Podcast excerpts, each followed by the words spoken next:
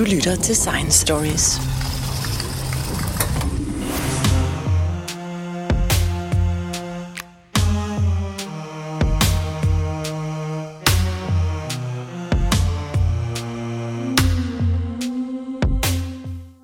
We have completed our terrain relative navigation.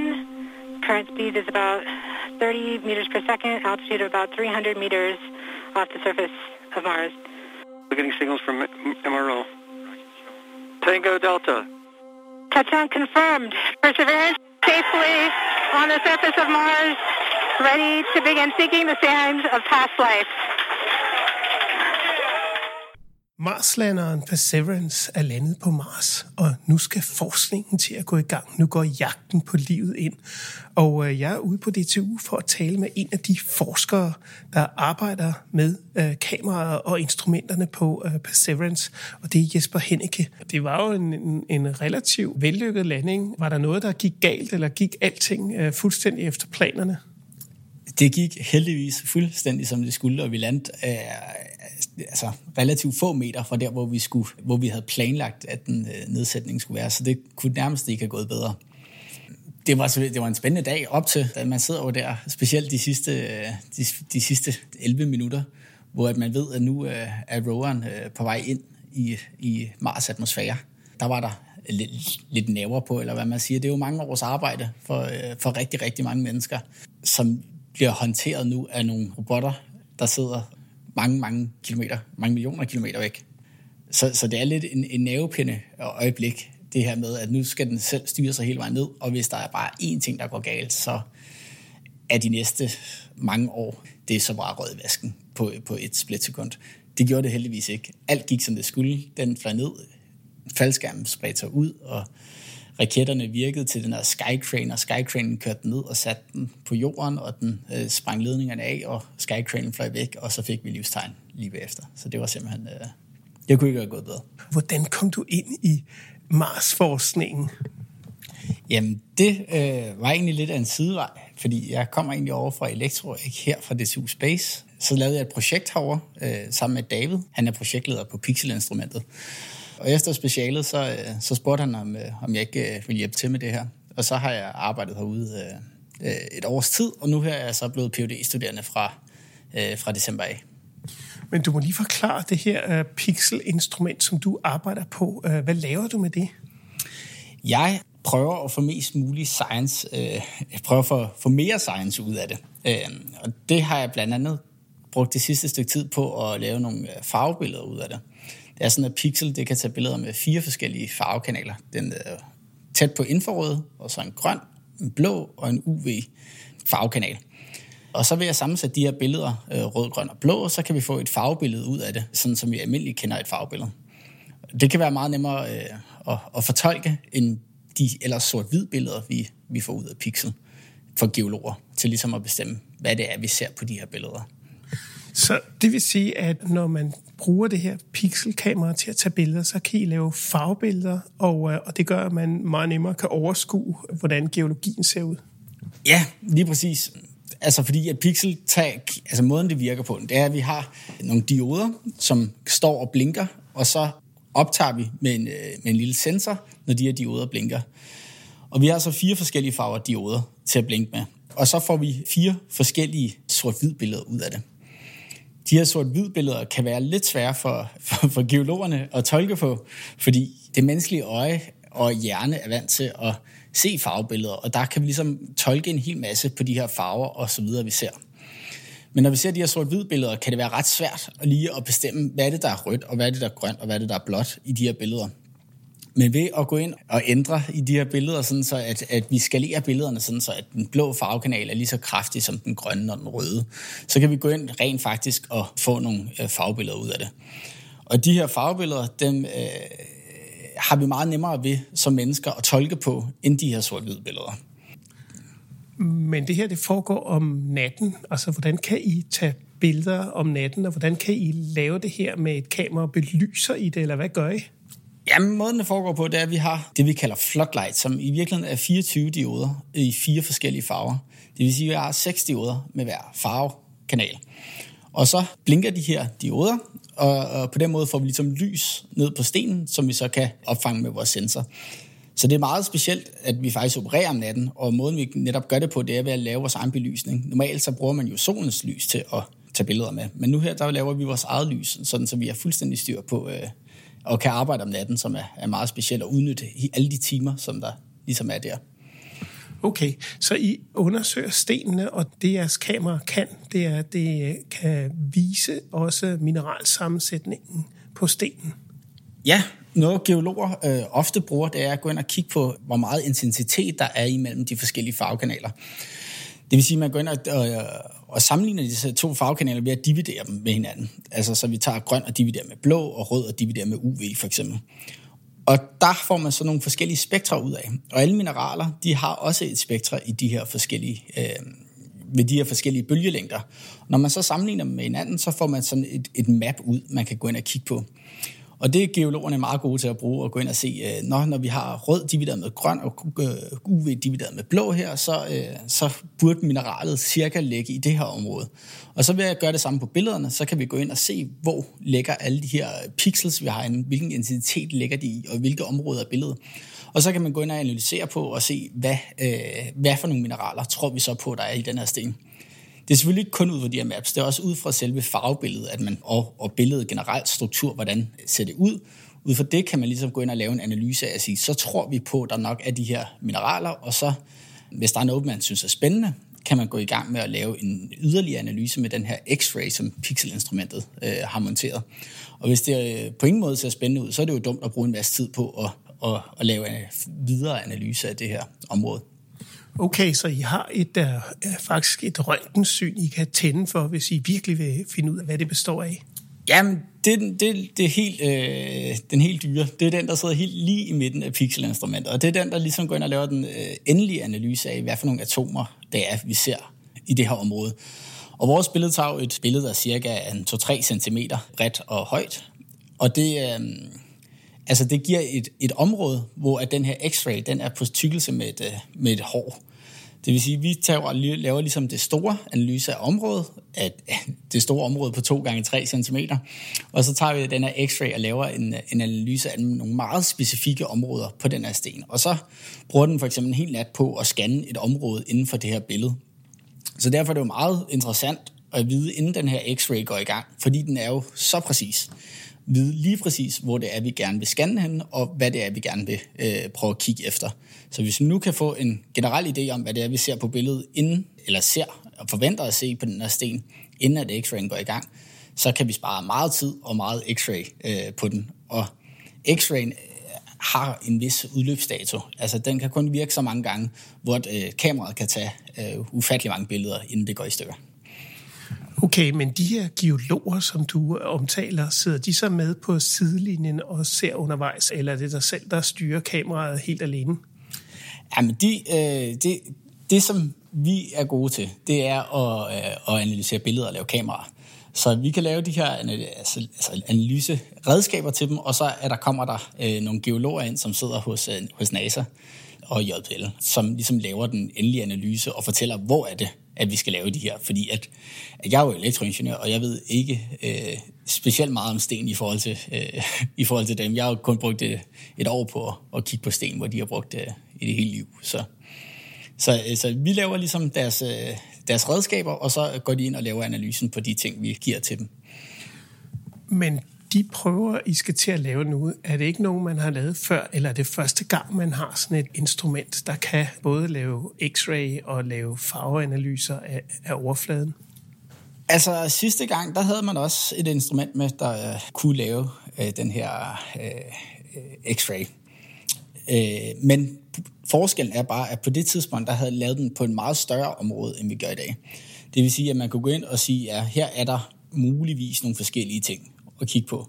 Men med den vi er med nu her, der kan vi gå ind og kigge på meget, meget små områder, og ligesom se, hvad sammensætningen er i de områder.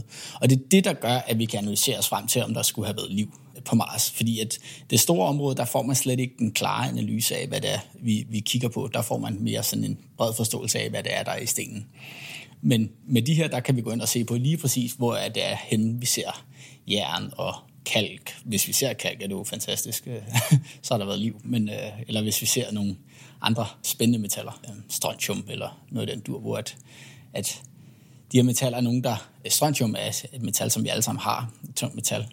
Og man skal kun bruge en lille bitte smule af det, men til gengæld ophober det så for eksempel altså i liv. Så derfor, hvis vi ser strontium, så forventer vi nok, at der har været en eller anden form for liv. Og så kan man se på strukturerne, og I kender jo en masse strukturer her fra jorden, hvor at man har kendskab til meget, meget gammelt liv, eller meget gamle livsformer, for eksempel de her stromatolitter, som man ser øh, blandt andet i Australien. Ja, Ja, men altså, vi, vi har netop lige øh, for, relativt for nylig øh, fundet øh, noget, noget meget, meget gammelt liv i Australien. Så det er jo meget værd at sammenligne øh, det, vi har, ligesom har fundet på jorden, med det, vi potentielt set kan finde på Mars. Det er jo sådan, altså det er jo det, vi kender, så det må jo ligesom være den måde, vi, vi laver vores øh, eftersøgning på. Det er at gå ud fra det, vi kender, og så se, om vi kan finde noget, der minder om det. Finder vi noget, der minder om det, så øh, har man jo en eller anden vis overbevisning om, det nok cirka er det samme. Men det er jo noget lidt andet, fordi de almindelige fossiler, så videre, vi kender fra jorden, de er jo betydeligt yngre end dem, vi leder efter på Mars. Så det er jo stadig et område, hvor at, at dem, vi har fundet i Australien, er lige så gamle som dem, vi leder efter deroppe. Men, øhm, men generelt set, så er det jo tit, vi finder fossiler, der er 10.000 år gamle på jorden, i stedet for at være 3 milliarder år gamle, som er dem, vi leder efter. Så det er, det er en, en lidt anden kaliber, end, end øh, dem, vi normalt har kigget på, indtil vi fandt dem i Australien. Så det er jo fedt, at vi lige har noget at sammenligne med. Ja, så I står bestemt ikke på barbund. I har noget rigtig godt materiale, I kan, I kan se på her fra jorden og finde indikationer på liv. Men jeg tænker på, at I har nogle ret vilde planer for, hvad der skal ske, hvis I finder noget interessant. Fordi det bliver jo så sendt tilbage til jorden. Ja, altså det er jo foregår lidt som en, en trætrinsraket, hvor vi er øh, første øh, trin i den her raket, med at vi flyver den her rover op til Mars Perseverance, og så øh, kører den rundt, og så finder den forhåbentlig nogle øh, super interessante sten, hvor vi forventer og håber på, at der er noget, øh, noget liv i de her sten, eller noget tidligere liv, forhistorisk. Den rover, vi lige har sendt afsted, den kører rundt og finder samples, eller finder nogle interessante sten. Det den så gør, det er, at den putter dem ned i nogle små hylstre, som den dumper på Mars. Og så lægger de der og venter på, at man sender en ny rover, andet trin afsted, til Mars. Og den kommer så op, og så går, den, kører den lige rundt og finder alle de her samples, som den første rover har dumpet på jorden, og så flyver den op i omløb om Mars. Til sidst, der kommer der så en ny mission, der flyver ud, tredje trin, den flyver ud til Mars, henter dem her, som er øh, de her samples, som nu er i omløb om Mars, og så flyver den tilbage til jorden med dem. Så det er ligesom tre trin. Først finder vi nogle samples, så får vi den op om omløb om Mars, og så flyver vi dem tilbage til jorden. Så der går nogle år, før vi ligesom øh, ser de her sten på jorden, og når vi så har stenene på jorden, så kommer der også til at være rifter om at få fat i de her samples, hvor der så er nogle, nogle forskere, der vil lave yderligere analyser på dem, og indtil alle er enige om, at her har været liv, eller her har ikke været liv. Ja, det kan hurtigt komme til at tage rigtig lang tid, fordi det er jo kun hver andet år, der er sådan et øh, opsendelsesvindue, hvor vi er relativt tæt på Mars. Så hvor lang, øh, hvor lang tid kommer det til at tage? Jamen, der kunne godt gå 10 år, før vi har de her sten tilbage på jorden. Og så før, at alle forskerne bliver enige om, om det er, om det er liv, eller om det ikke er liv, så går der jo formentlig yderligere nogle år, før at øh, alle er ligesom blevet enige om, hvad det er, vi har set deroppe. Så en, en til 15 år, så, øh, så har vi forhåbentlig svaret på, om, om, øh, om der har været forhistorisk liv på Mars. Men jeg tænkte på, hvad nu hvis der rent faktisk findes liv på Mars, og man så henter det her på jorden? Vil det ikke være farligt for os? Øh, kunne man forestille sig, at vi blev inficeret med, med Mars-liv, eller nogle Mars-organismer begyndte at, at bosætte sig her? Jo, men altså, det er jo øh, noget, man, vi vil jo nødig have en covid nummer to, fra, eller en Mars nummer et, eller hvad man siger, kommende tilbage til jorden. Så det er jo selvfølgelig noget, der bliver overvejet, hvad, hvad man potentielt set skulle gøre, hvis vi nu finder noget, der minder om liv deroppe. Og det bliver jo noget med at, øh, at få dem testet ordentligt igennem de her sten, sådan, så vi er sikre på, at det, vi tager med tilbage, det er noget, der er helt dødt. Så der kun er øh, fossiler tilbage på, på de her sten. Ja, så kan man selvfølgelig også have et sikkert laboratorium, man åbner de der prøver i det vil nok være relativt fornuftigt også. Vi kan jo godt håndtere på jorden og bruge ting helt inden, sådan så at det er helt rent og ikke kommer ud øh, fra de her laboratorier. Men øh, Hvad så med din egen forskning? Hvor længe vil du så være med på det her projekt, og hvad kommer der til at ske på længere sigt? Vi har fået de første beskeder fra roveren nu her. Den landede jo i, i, øh, i torsdags. Og nu her har vi lige fået her til morgen fået en e-mail om, at pixelinstrumentet er i live. Det har taget et billede. Godt et helt sort billede, men det har taget et billede, og det var meningen, det skulle være sort. Så, så derfor så, så ved vi ligesom, at øh, vi, er, vi er levende. De første tre måneder her, de kommer til at gå med at teste, at alt udstyret fungerer, som det skal, og så skal det kalibreres. Og det bruger vi først tre måneder af den tid, vi har på Mars på, og derefter så går vi i gang med science-delen. Så begynder der at komme billeder ned af rigtige sten, hvor vi håber, at vi kan finde nogle forskellige ting, og vi begynder at køre den vej, vi skal. Så der går de første øh, to år her, hvor den kørte op, altså øh, på jordtid, som, som Mars roveren er sat til at skulle leve, der kommer der til at komme en masse data ned, som vi selvfølgelig skal, skal hjælpe med at, at få lavet de rigtige redskaber til at de, uh, kunne fortolke på. Men den her rover kan en masse forskellige ting. Den har også en helikopter med sig. Mm. Ja, den har, øh, den har den her øh, helikopter med, så vi skal op og teste. Vi er NASA skal teste, om den kan øh, flyve på, øh, på, på en anden planet. Det har man jo ikke gjort før, flyvet med helikopter på en anden planet. Så den sætter de ned på jorden. Lige nu der sidder den på maven af roveren, og så sætter man den ned på jorden, og så kører man roveren væk. Fordi de der vinger, som øh, helikopteren har, de kører ekstremt hurtigt rundt, fordi Mars har så tynd en atmosfære. Så for at kunne flyve derop, så skal vingerne være ret store, og de skal køre rigtig, rigtig hurtigt rundt. Så derfor sætter man roveren, øh, sætter roveren helikopteren ned, kører væk, og så letter man med helikopteren.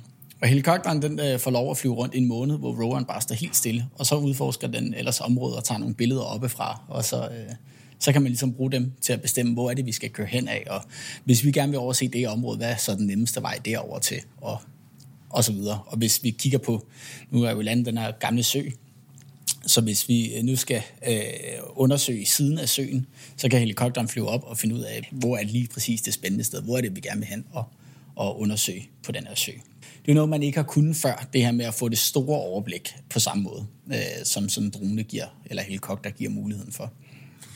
Men jeg har også hørt nogen sige, at, at det faktisk er jeres instrument, som der er de allerstørste forventninger til. Fordi hvis at man kan finde spor af liv, så vil det være jeres instrument, der i virkeligheden finder det, fordi at de kan netop analysere både med øh, spektralanalyse og, og lys, og så også med, med røntgenstråler. Så forventningerne er, at det måske nok er i virkeligheden jer, der finder de første spor af, af, af Mars-livet. Øh, øh Ja, altså det er jo, det er jo hele holdet øh, omkring på roweren, der ligesom får, øh, får guidet roweren hen til det, øh, til det til stedet, hvor man tror, at der så er liv. Og så er det netop vores kamera, der kommer til at tage billedet helt op på, hvor at det her liv bliver øh, potentielt bliver fundet.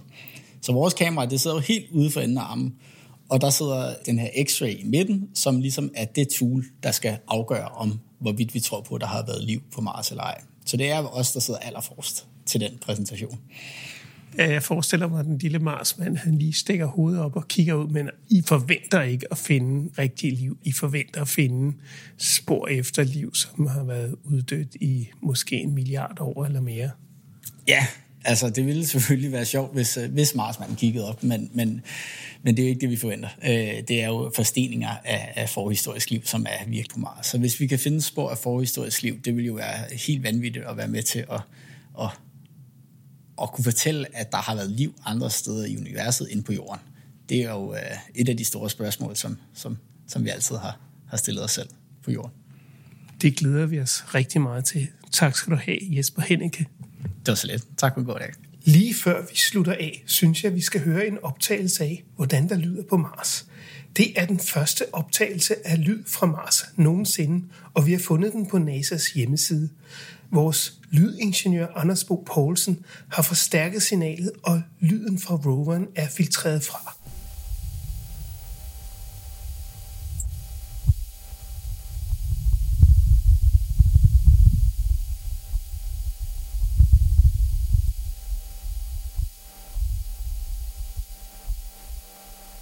Vi lægger link til optagelser af Marslandingen og lyde fra Mars på vores hjemmeside www.sciencestories.dk.